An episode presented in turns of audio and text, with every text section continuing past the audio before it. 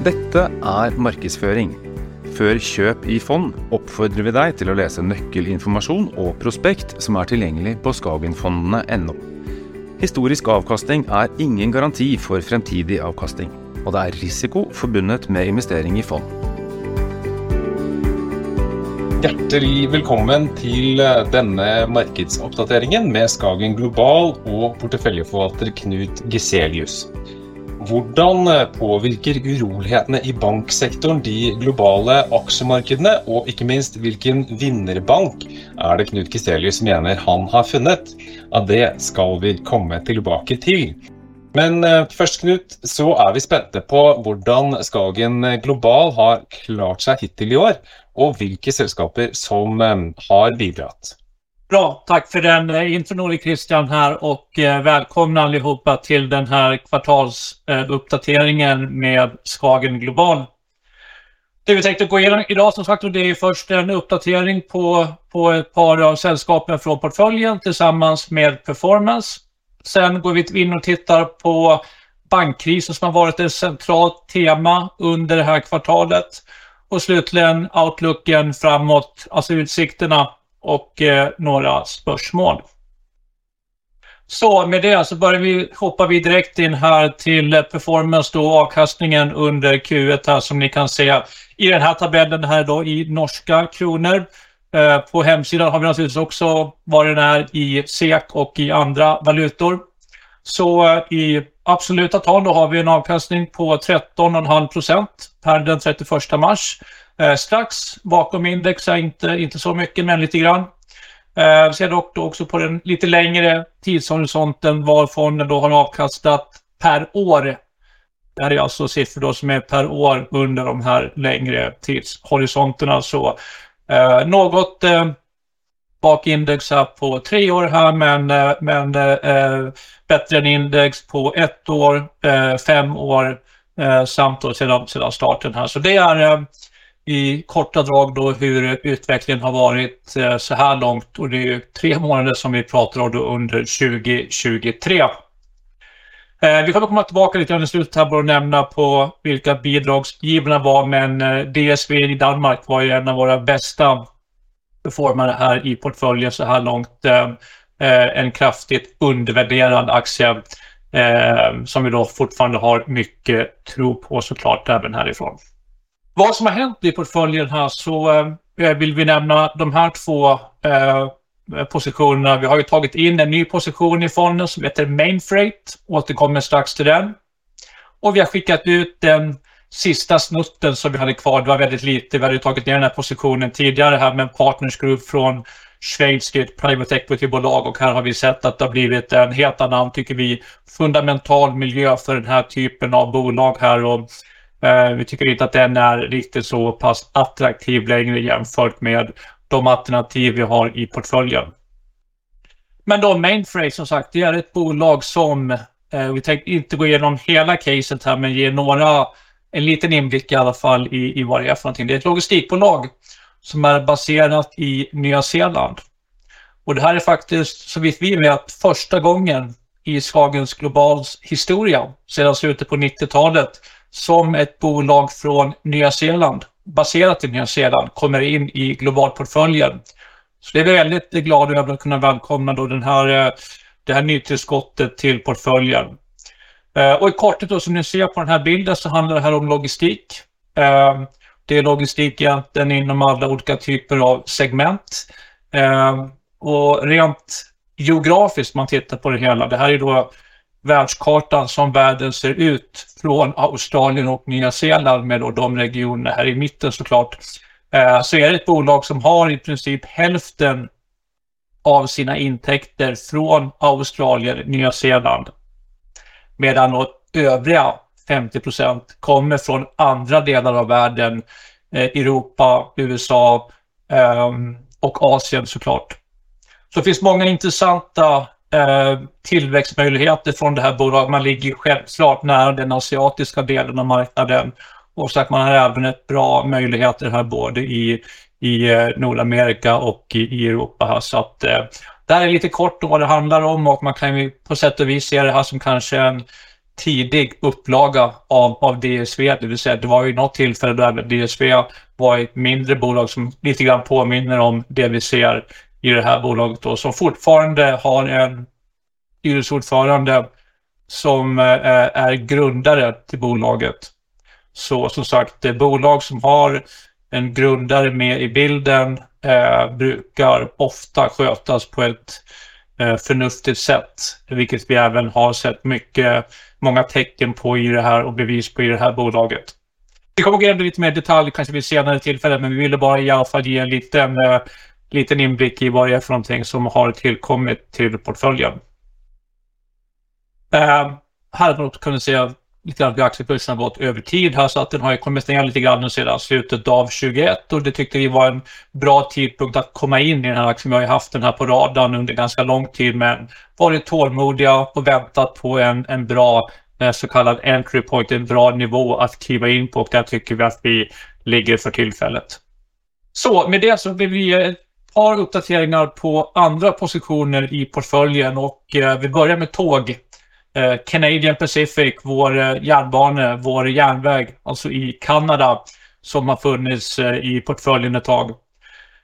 Ni som har varit med oss, ni vet ju att eh, i mars 2021, alltså för två år sedan, så lade Canadian Pacific ett bud på en konkurrent som heter Kansas City Southern och alltså är en amerikansk järnväg. Det har inte skett någon typ av sammanslagning i den nordamerikanska järnvägsindustrin på över två decennier. Så att, eh, eh, och det är fortfarande en ganska koncentrerad marknad, så det är inte heller oväntat att det blev en ganska omfattande regulatorisk eh, studie av det här innan man kunde komma till ett beslut huruvida den här merchen, sammanslagningen, kunde, kunde gå igenom. Men innan vi presenterar vad som har hänt på den fronten tänkte vi bara snabbt här eh, ge en liten återblick då på vad exakt det är som gör det här så intressant, tycker vi. När vi köpte Canadian Pacific i Skagen Global, då hade man det här nätverket som ni ser i rött, det vill säga en kanadensisk järnväg som gick från kust till kust. Från hamnen här i Vancouver, eh, som tar in mycket frakt från Asien och så några olika sätt där genom Kanada, en litet instick i, i norra USA men sen egentligen hela vägen till eh, St. John som är en stor hamn i eh, östra delen då av Kanada. Och det tyckte jag i sig var ett väldigt intressant case. Nu när man köpte Kansas City så innebär det också då att man skulle få spårrättigheterna och alltså operera även den blå delen. Och den blå delen här, den går ju som en artär genom Midwest i USA här eh, ner till Texas och sen vidare hela vägen här till Mexiko och det som kallas för industrimeckat. Det vill säga den del där det finns mycket tillverkning. Och som ni säkert har läst så blir det mer och mer tillverkning som kommer tillbaka till Nordamerika från till exempel Asien för att säkra leveranskedjor med mera. Så det här skulle i så fall, om den här merchen gick igenom, bli den första och därmed då den enda järnvägen i USA som har ett järnvägsnät som förbinder tre länder, Mexiko, USA och Kanada.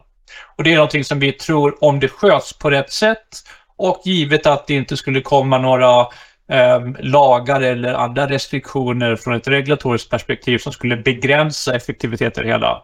Men oaktat det så skulle det här bli ett, ett väldigt, som sagt, värdefullt nät att ha under, under då lång, lång tid framöver. Och då den nyhet som vi har väntat på här i, i två år, den kom här i 15 mars, det vill säga att vi fick regulatoriskt godkännande för den här sammanslagningen mellan Canadian Pacific och Kansas City. Så nu väntar vi på att få lite mer detaljer från det finansiella eh, utsikterna för bolagen, vilket kommer komma någon gång i början av sommaren på en kapitalmarknadsdag. Men överlag är det här en väldigt positiv nyhet för, för portföljen. Eh, och bara för att kan illustrera varför vi tror att det här kommer bli bra framöver här så tittar vi tillbaka så ser vi här aktiekursutvecklingen på Canadian Pacific, en 20-års historik. Vi, vi tittar och tänker ofta i termer av många år framåt nu och delvis även bakåt. Då. Och även om man inte läser så mycket om Canadian Pacific i, i aviserna eller tidningarna här i Norden så är det ju fantastiska 33 gånger pengarna, alltså 19 procent per år i NOC under den här 20-årsperioden. Det kan man jämföra med världsindex som har givit 8 gånger pengarna och 11 procent per år. Vilket också är en fin naturligtvis avkastning men inte i närheten av vad vi har fått från Canadian Pacific.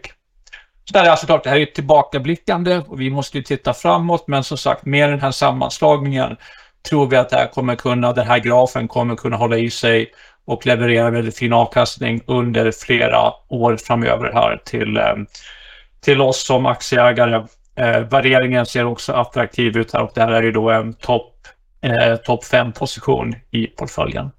Det var väldigt positivt som sagt. Eh, det glädjer vi oss åt. Eh, och eh, hoppas på att det kommer bli en fin eh, fortsatt resa för, för tåget. Ja, tack för det så långt eh, Knut. Nå till en ting som opptok oss veldig i mars. Sikkert som banken, det är ett uttryck som lever farlig om dagen. Da den relativt ukjente Silicon Valley Bank gick över ende i mars, så utlöste det en markedsuro som vi inte har sett siden finanskrisen, som nå faktisk er 15 år siden.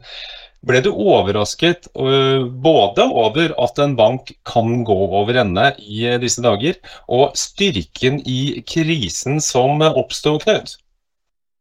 Ja, det är väldigt bra spørsmål som sagt och svaret är väl både, både ja och nej på den frågan. Det vill säga att eh, blev vi förvånade över att en bank gick under Eh, där är svaret nej, det blev vi inte förvånade för det är någonting som brukar ske liksom i runda tal någon gång, en gång kanske var, var tionde år. Så är det någon bank här som, eh, som går i stöpet. Och det beror ju på att bankverksamheter, det är egentligen det är en affärsmodell som är känslig. Det, det finns ofta små marginaler. Det finns många delar där man kan göra fel vilket då kan få ödesdigra konsekvenser givet att det finns väldigt mycket eh, som leverage belåningsgrad som är inbyggt i det vill säga att det är en ganska liten del med equity som supporterar en stor assetbas.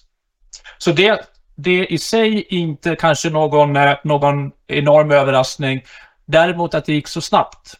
Det var väl en överraskning för, för oss och även för um, många andra investerare som sagt, tittar man lite grann på den här grafen och det här är då ett, eh, en överblick över de rekommendationer från finansanalytiker som ni ofta läser om i tidningen som säger buy eller köp eller sälj eller neutral.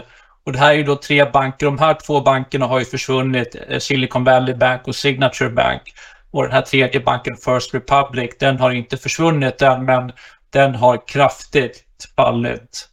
Och det vi ser här, det är i princip att det här är då så hur många procent av alla analytiker som hade köp, sälj eller, eller neutral.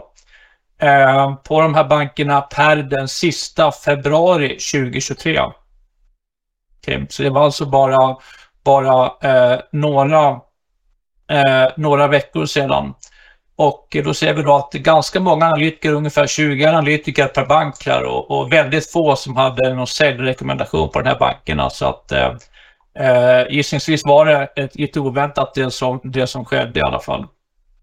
Och det är klart, man kan också ställa sig frågan här eh, varför ser vi att banker kollapsar vi har haft jättemycket nya regleringar, ny compliance med mera på banker just för att förhindra att vi skulle få en ny finanskris. Och lite grann som det ibland nämns om här när man pratar om krig, att eh, generalerna fighta som sagt sista typen av krig, så det är lite grann samma sak här. Tänker vi tillbaka till finanskrisen så var ju problemet då att det var hög eller dålig kreditrisk som bankerna tog. Men den här gången så var det någonting annat som ställde till problemen här och även om inte vi har ägt de här bankerna, eh, vi har tyckt att risken har varit väldigt hög, så vill vi ändå här gå igenom lite grann och belysa vad som hände i Silicon Valley Bank Eh, för att sen kunna relatera det till den enda bank som vi äger i Skagen Global. Så lite förenklat, kan inte gå in på liksom alla, alla detaljer i det hela här, men, men, men ändå ge en, en, eh, en bild av vad som skedde för någonting med Silicon Valley Bank. Så Tittar man på den här grafen, de här gröna staplarna, så är det då inlåningen, det som kallas för deposits på engelska. Och ni kan se i miljarder dollar hur mycket det var i slutet av 2019 och slutet av 2022. Med andra ord, eh, Silicon Valley Bank gick från att ha 21 miljarder dollar till 92 miljarder under loppet av tre år. En enorm ökning procentuellt sett, eh, det som tillkom, eh, vilket är någonting som är väldigt, väldigt ovanligt för banker att växa så här snabbt. Och varför är det här ett problem? Jo, problemet blev att bankerna måste investera de här pengarna. Vi ska titta på det strax. Och det var just det hur man investerade pengarna i kombination med det som hände med räntan som ledde till att det blev eh, i princip då ett, ett konkursförfarande med, med den här banken. Så tänk då på de här pengarna som kom in på banken så att det var en enorm ökning på inlåningen. Och det berodde ju mycket på att den här banken, Silicon Valley Bank, vilket som Olle Christian sa är en ganska okänd bank. Samtidigt så är det den 16 16 största banken i USA. Så vi pratar inte om någon liten bank. Det finns ändå över 4 000 banker i USA. Så det var den 16 största banken och den var ju framförallt eh, inriktad mot venture capital, riskkapitalister i Silicon Valley. Som då i samband med covidkrisen när det kom in mycket pengar, det var euforia på börsen, fick de in enorma belopp och de pengarna sattes in på Silicon Valley Bank av de här VC-bolagen. Så en stor säck med pengar kommer in till Silicon Valley Bank och då har ju banken eh, två möjligheter, lite förenklat här, med vad man kan göra med pengarna. Antingen så kan man ha kvar dem i pengapåsen. Det är klart, då tjänar man ingen, ingen, ingen, det blir ingen intjäning på pengarna. Det är klart, det är heller ingen risiko. Men är man bank, då tjänar man ju pengar på att ha en spread, alltså att ha en, en skillnad mellan hur mycket man lånar ut pengar för och hur mycket man betalar för inlånade pengar. Så att bara hålla det här i cash, det är väldigt svårt om man inte har andra typer av intäktskällor som bank. Men det hade inte Silicon Valley Bank i någon större bemärkelse. Så då valde de att göra nummer två, det vill säga investera i obligationer. Och som vi vet från finanskrisen så vill man ju som bank inte investera i riskfyllda obligationer för det skapar mycket högre kapitalkrav.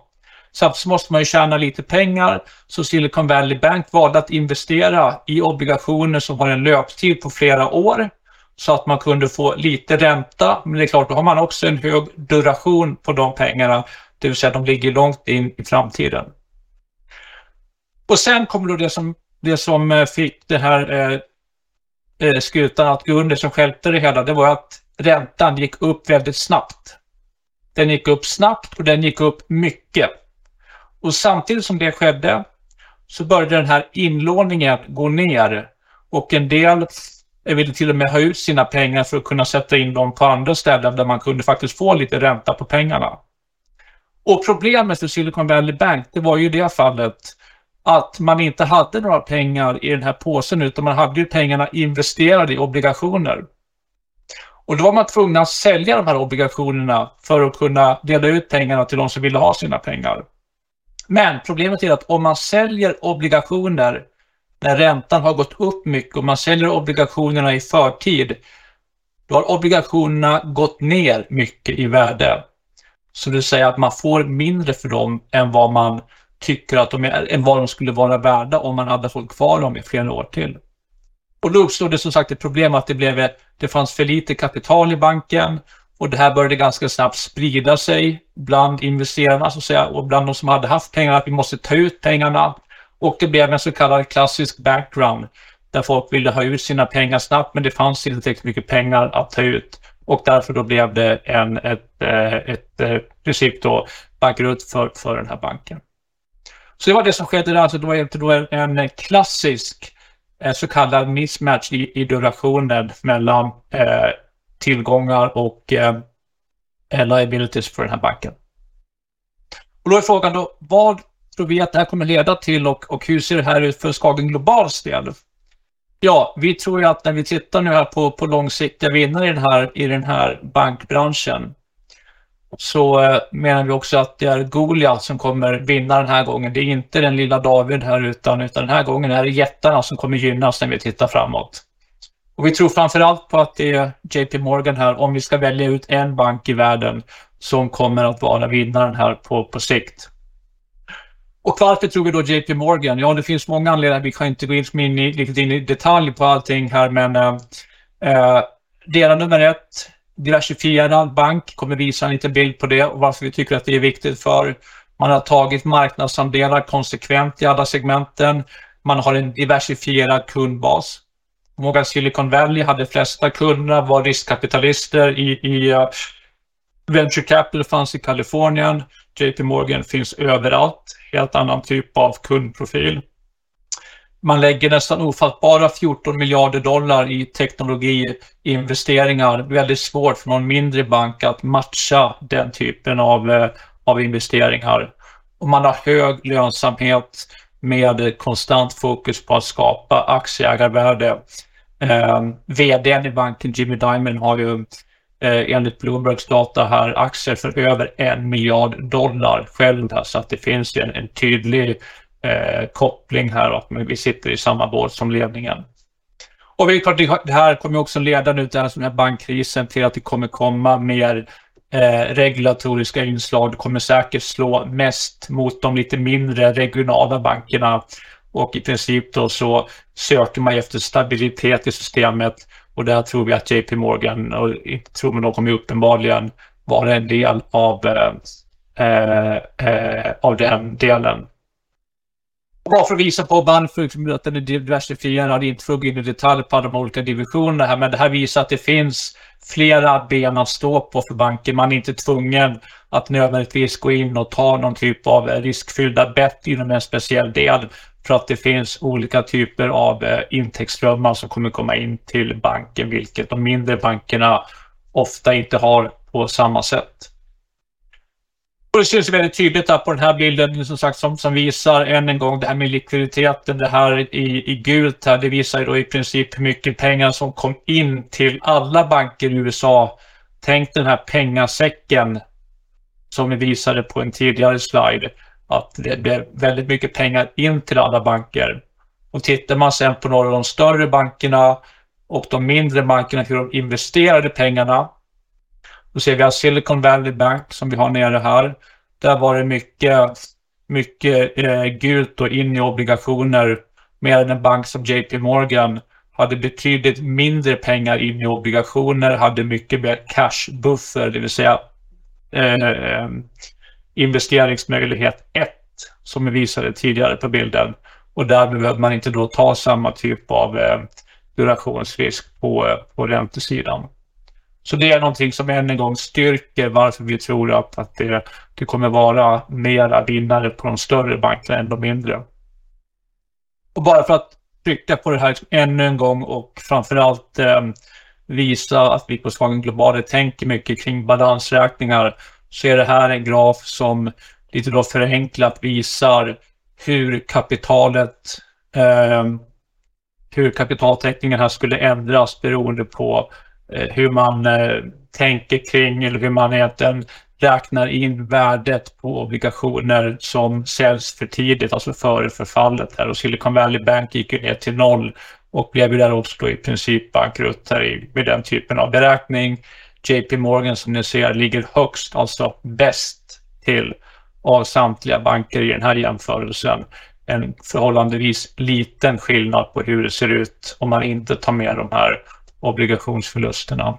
Så än en gång, den är starkast på balansräkningen. Det är någonting som vi tror är väldigt viktigt för att eh, upprätthålla förtroendet här från, från marknaden och från kunderna såklart. Och för att ännu mer styrka det här så en, en eh, undersökning som jag har sett, en datapunkt, inte den en, inte, det finns säkert flera, så det var att var någonstans gick pengarna som gick ut från Silicon Valley Bank? Då ser vi att ungefär hälften enligt den här studien gick till JP Morgan. Det vill säga, eh, de som tog ut pengarna från Silicon Valley Bank hade inte så mycket tilltro till den banken, men de hade tilltro till andra banker och framförallt till JP Morgan här, så att man har då tagit marknadsandelar inom många olika segment och det här är en del som stödjer den, den tesen. Och tänker vi lite mer långsiktigt, liksom zoomar ut från den här väldigt kortsiktiga episoden. Eh, det här är en graf som går tillbaka till 2004. Då ser vi då på det bokförda värdet, eller det, det tangible book value för JP Morgan som är de här staplarna som ni ser, den växer. Eh, inte nödvändigtvis mycket varje år, men över tid så är det en ganska konstant tillväxt här. Och det är också den här typen av mätetal som ofta driver aktiekursen över tid. Och den här grafen ovanför visar hur aktien har gått under den här tiden.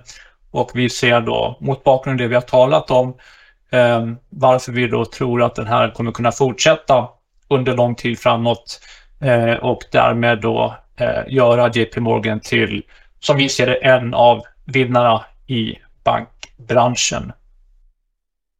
Så det var mycket bank som sagt och vi vill bara avsluta med att eh, då visa vad det gäller Skagen Globals eh, innehav inom finanssektorn, alltså inom financials. Det är en förhållandevis hög vikt om man slår ihop allting, men det är väldigt viktigt att förstå som investerare i Skagen Global att vi har inte särskilt mycket bank, livförsäkring eller sakförsäkring i portföljen. Vi har endast en bank och det är JP Morgan som jag sa. Den är 3,7 procent av fonden eh, per den 31 mars eh, det här året. Eh, inga andra banker alltså. Vi har ingen livförsäkring, vi har ingen sakförsäkring. Utan de andra delarna som ligger inom finanssektorn så som MSCI klassificerar sektorn. Det är till exempel börsoperatörer. Där har vi ICE som äger New York-börsen. Vi har även Nasdaq. Vi har försäkringsmäklare. Vi har betalbolagen, Mastercard som ett exempel, även Visa.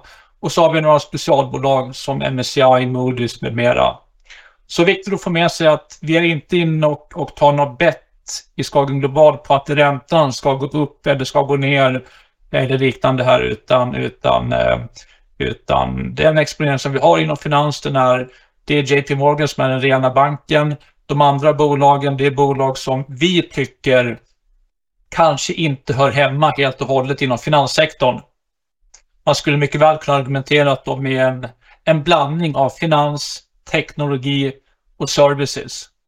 Eh, men de måste ju ligga i någon sektor och de har hamnat i finanssektorn här med. Som sagt, för oss här är väldigt specifika case i alla fallen.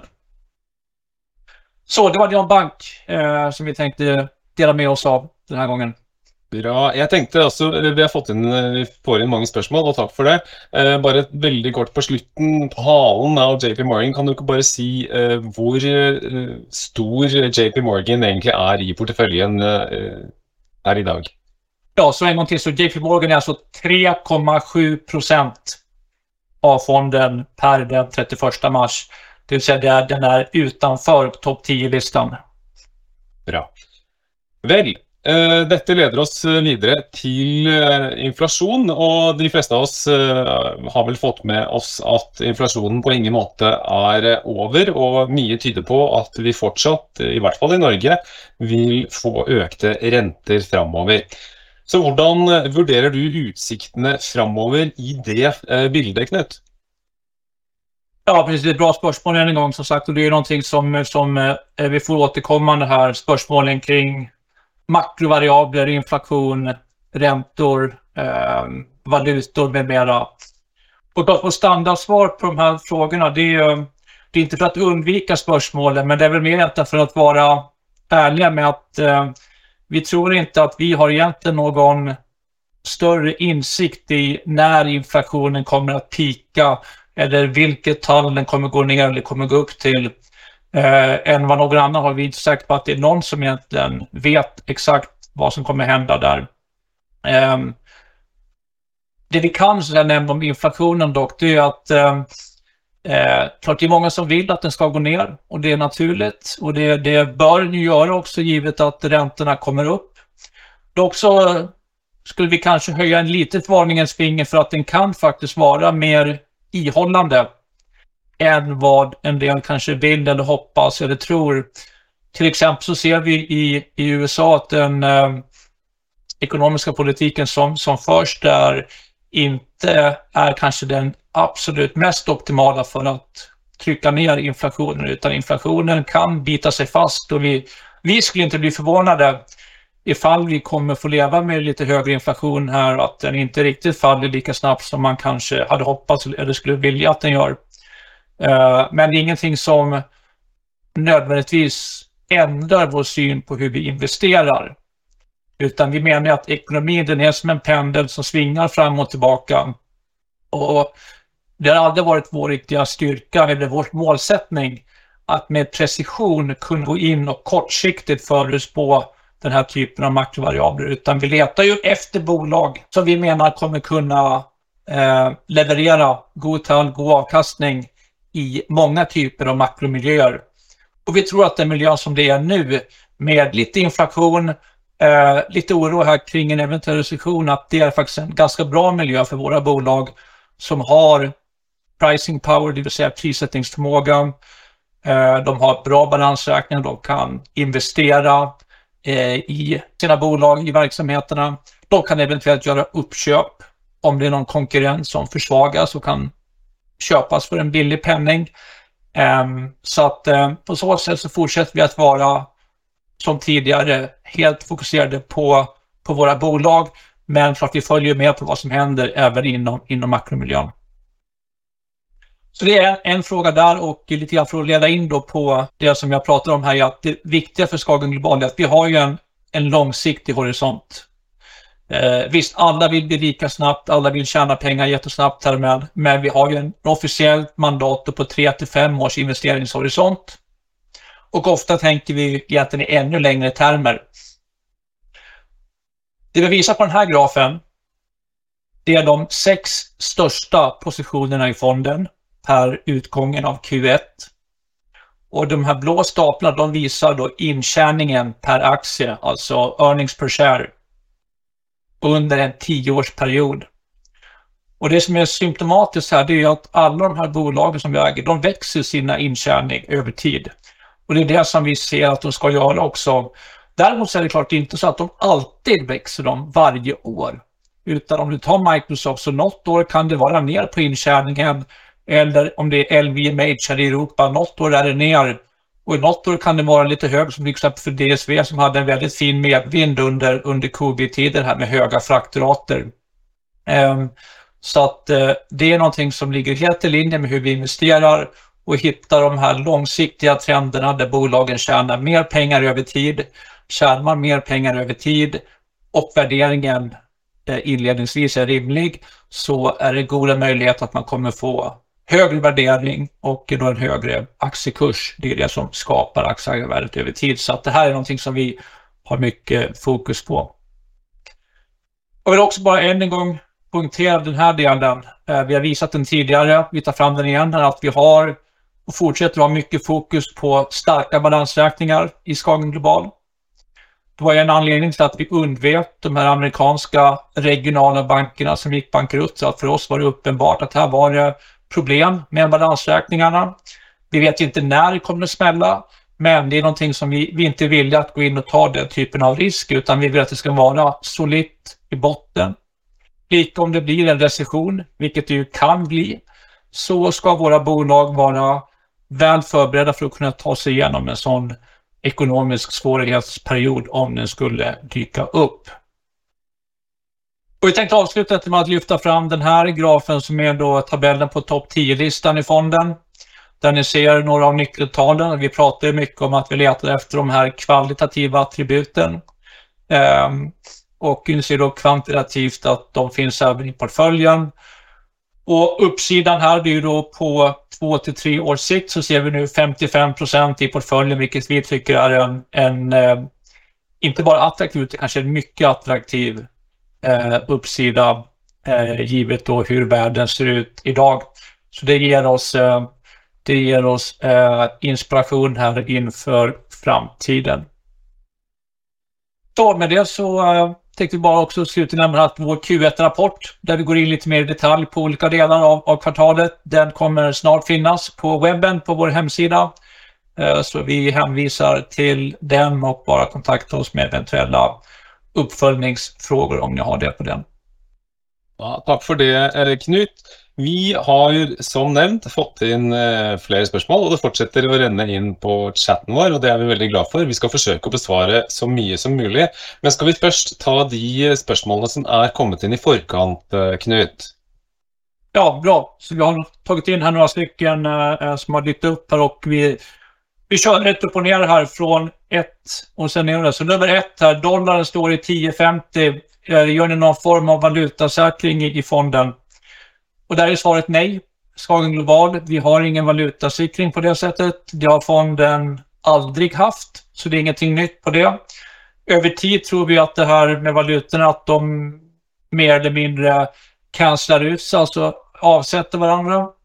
Eh, så att det finns ingen typ av valutasäkring här, men det finns ju en delvis en dynamisk hedge i de bolagen som är internationella. Till exempel om vi tar ett bolag som Microsoft för att vara tydliga här. Microsoft har ju ungefär 50% av intjäningen i USA, 50% av intjäningen utanför USA. Så som det är nu, då dollarn är stark, så det är klart, de pengar som Microsoft tjänar utanför USA och tar tillbaka till USA och växlar om till dollar, det får de ju inte lika mycket dollar för som de hade fått ifall dollarn hade varit svagare. Det innebär också att tillväxten som har 50 procent av sin business utanför USA blir ju då, om man mäter den i dollar, något lägre. Så om det skulle bli så framöver att dollarn sjunker i värde, sväcker sig, kronan, svensken eller nocken eller andra valutor blir starkare mot dollaren, så kommer det innebära att de pengar som Microsoft tjänar utanför USA blir mer värda i dollar när de plockas hem. Vilket menar att innebär att tillväxthastigheten då för Microsoft kommer bli lite högre och det brukar ofta ge en högre aktiekurs eller värderingsmultipel i alla fall. Så att där som sagt finns delvis en inbyggd hedge här men det, det sker ingen typ av, av explicit valutasikring för, för fonden. Eh, nummer två, effekten på den svaga norska kronan på avkastningen hittills i år. Ja, det är också en fråga som är lite vansklig att ge ett väldigt klart och tydligt svar på givet att vi har 30 sällskap i portföljen. Nästan alla sällskap säljer till olika delar av världen.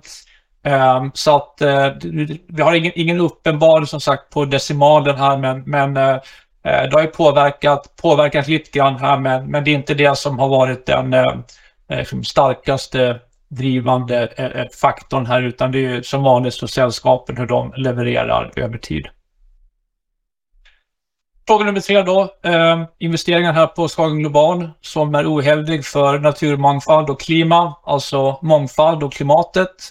Men, och här menar vi att eh, vi har egentligen inga investeringar som vi tycker är, är dåliga ur den synpunkten utan tvärtom så Eh, som jag sagt tidigare så, tycker, så är ISG någonting som är viktigt om man tänker både kort och långsiktigt men framförallt om man tänker som vi gör långsiktigt.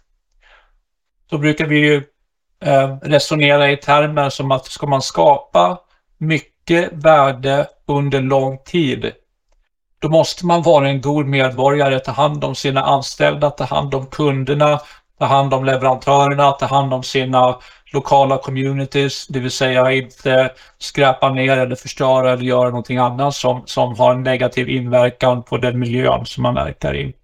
Så därför brukar vi undvika den typen av sällskap som har mycket av de här negativa delarna. Eh, och det syns också att vi har en, en bra rating här på ESG från till exempel Morningstar som en oberoende aktör. Så fråga nummer fyra, någon speciell sektor eller region som ni funderar på att öka respektive minska i? Ehm, ja, som sagt, vi, eh, här är det så att vi, vi är väldigt bolagsfokuserade. Det har Skagen Global alltid varit i lite grann av vårt adelsmärke att leta efter sällskap, bolag, än att försöka spekulera i någon region eller sektor som, som kommer gå bra.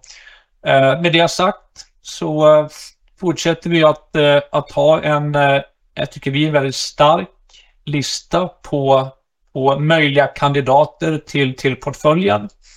Och de finns i princip på alla sektorer. Eh, kanske lite fler i de sektorer där vi inte äger någonting för tillfället.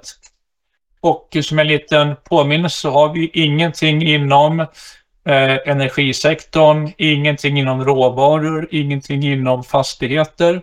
Så det är delar där vi lite ligger på lur och väntar på att det ska komma en bra, eh, en bra möjlighet eh, med alltså en attraktiv instegsnivå.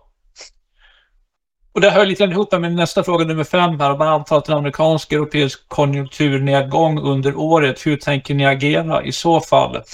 Följdfråga, kommer ni minska eller öka inom cyklisk industri? Så lite grann samma här som på tidigare frågan här att vi, vi har en bra prospect list. Flera bolag där vi som sagt ligger och eh, har siktet inställt på bolagen, men vi tycker att priset är för högt för tillfället. Ehm, för vad gäller mycket cyklisk industri och cykliska bolag så är det ju sällan som de skapar så mycket tid om man, så mycket värde om man ligger i dem bara över lång tid. Utan ska man kunna få tag på mervärdet där ska man köpa när de blir väldigt billiga och sen såklart sälja då när de blir på toppen av cykeln. Och det är någonting som vi kan göra, det är inte vår eh, kärnverksamhet, men vi har sagt att om det dyker upp en bra möjlighet då har vi både möjligheten och viljan att gå in. För en styrka med Skagen Global, det är just det att vi har den här unika eh, obegränsade mandatet att kunna gå in överallt. Så det kan mycket väl dyka upp någonting i portföljen framåt, särskilt om det skulle bli eh, kraftigt nedtryckt här i någon av de här sektorerna och eventuellt då en större konjunkturnedgång. Så det är de som har kommit in här som jag har valt ut här. Jag skickar tillbaka ordet till Olle Christian för eventuella ytterligare. Bra. Jo då, vi har ett par till. Vi är lite på övertid så vi beklagar det. Men, men eh, vi har lust till att, att försöka besvara så mycket som eh, möjligt när vi har, eh, har uppmärksamheten deras. Um, ehm, det har kommit inn ett spørsmål som jag er usikker på om du kanske, du, Eller ja, du har jo mye i hodet, Knut, så, så vi tar en sjanse. Um, hvor høy er den gjennomsnittlige direkteavkastningen for porteføljeselskapene i Skagen Global? Og med direktavkastning direkteavkastning så mener han, uh, eller ja, vedkommende, hur hvor høy den beregnede utdelingen er i prosent av aksjekursen. Ja, vi kan återkomma som sagt med exakt på decimalen var den ligger här, men, men eh, Eh, den är inte, inte superhög därför att vi har inte så många sällskap som har riktigt, riktigt hög direktavkastning. Eh, så någonstans förmodligen mellan 1 och 2 procent eh, ligger, ligger många sällskap eh, på. Eh, och för att lite mer belysa den delen så är det ju så att det som är viktigt för oss det är totalavkastningen. Och totalavkastningen är ju summan av hur mycket aktiepriset, aktiekursen ändrar sig och vilken utdelning som man får. Eh, bolag som ger en väldigt hög utdelning det brukar ofta vara bolag som inte har så stor möjlighet att återinvestera pengar i sin verksamhet därför att de är ganska mogna. Det vill säga de börjar närma sig slutet på sin livscykel. Men alla bolag föds och växer och sen så vid något tillfälle så avstannar de och sen försvinner de. Eh, och det behöver inte vara något fel att äga ett sådant bolag. Men det är inte uppenbarligen där som det nödvändigtvis skapas den högsta totalavkastningen, även om det alltid finns, finns undantag. Uh, så vi har aktier tidigare med högre avkastning och det är någonting som vi kan äga igen. Vi är inte på något sätt uh, fientligt eller negativt inställda till att äga hög direktavkastning per se. Men uh, när vi tittar på alla parametrar som vi analyserar för att köpa in bolag så är direktavkastningen eh, mindre relevant än till exempel möjligheten att eh, eh, marknadspositioner, balansräkningar, möjligheten att bli större över tid. Eh, så att eh, det är förhoppningsvis lite, lite svar på frågan. Og Och så eh, är det en som lurer på, när du, du snakket om eh, Canadian Pacific. Hvordan eh, mener du at eh, tog står seg som transportmiddel når man tenker på alternative løsninger som f.eks. selvkjørende eh, elektriske lastebilar? Eh, den dagen då det kommer finnas självkörande elektriska lastbilar så kommer det förmodligen ha en, eh, en, en delvis negativ inverkan på, på tågen om, och det här är ett stort om då, om man också kan få tag på alla mineraler som krävs för att bygga batterier till stora tunga lastbilar. Man ska komma ihåg att ett, ett tåg motsvarar väldigt, väldigt många lastbilar. Så eh, som det ser ut idag, när lastbilarna i princip bara drivs av, av fossila bränslen, eh, Eh, så är tåg det mest miljömässigt effektiva fraktsättet. Eh, och i framtiden får vi se som sagt, det, det, är en, eh, det är en lång diskussion man kan ha på, på vilka miljöpåverkan som du har att bryta de här jordmetallerna till exempel då för, för elektriska lastbilar med mera här. Men, men om det visar sig att det kommer vara ett bättre alternativ, då har Skagen Global alla möjligheter att vara med på den resan också och eventuellt kan ju kanske vi vid något tillfälle i framtiden skifta Canadian Pacific till några elektriska lastbilar. Vem vet? Eh, den, den, som lever får se. Men vi har alltid ett, eh, en open mind, öppet sinne och vi vill bara att portföljen ska vara så, så bra som möjligt. Eh, och om det innebär att vi gör förändringar, då kommer vi göra förändringar. Bra. Eh, och helt, helt på tampen så är det en som spør om fondet till enhver tid är fullinvestert eh, i, i aktier. Och mm, det korta svaret på det är väl ja. Kort svar på det är eh, ja, nästan i alla fall. Vi har ju, jag tror för tillfället 98,3 procent investerat här så att det är väldigt, väldigt lite cash, alltså kontanter i fonden eh, och vi strävar efter att vara i princip helt fullinvesterade. Eh, så att eh, det är vår uppfattning här att vårt mandat, vårt eh, mål, det är att ge alla kunder i fonden, alla andelsägare aktieexponering vi försöker inte ta något bett på om man ska ligga i kontanter eller om man ska ligga i, i, i aktier här utan, utan vi försöker att vara i princip fullinvesterade eh, hela tiden. Och med det så är eh, vi i ved veis ende, vil jeg si. Um, tusen takk til deg, Knut, og ikke minst tusen takk til alle dere som har sett på. Og bare for å si det, uh, har dere flere spørsmål til oss, så ikke nøl med å ta kontakt med oss. Uh, ring oss eller send oss en e-post, og så skal vi svare så godt uh, vi kan. Men for nå, tusen takk for at dere så på.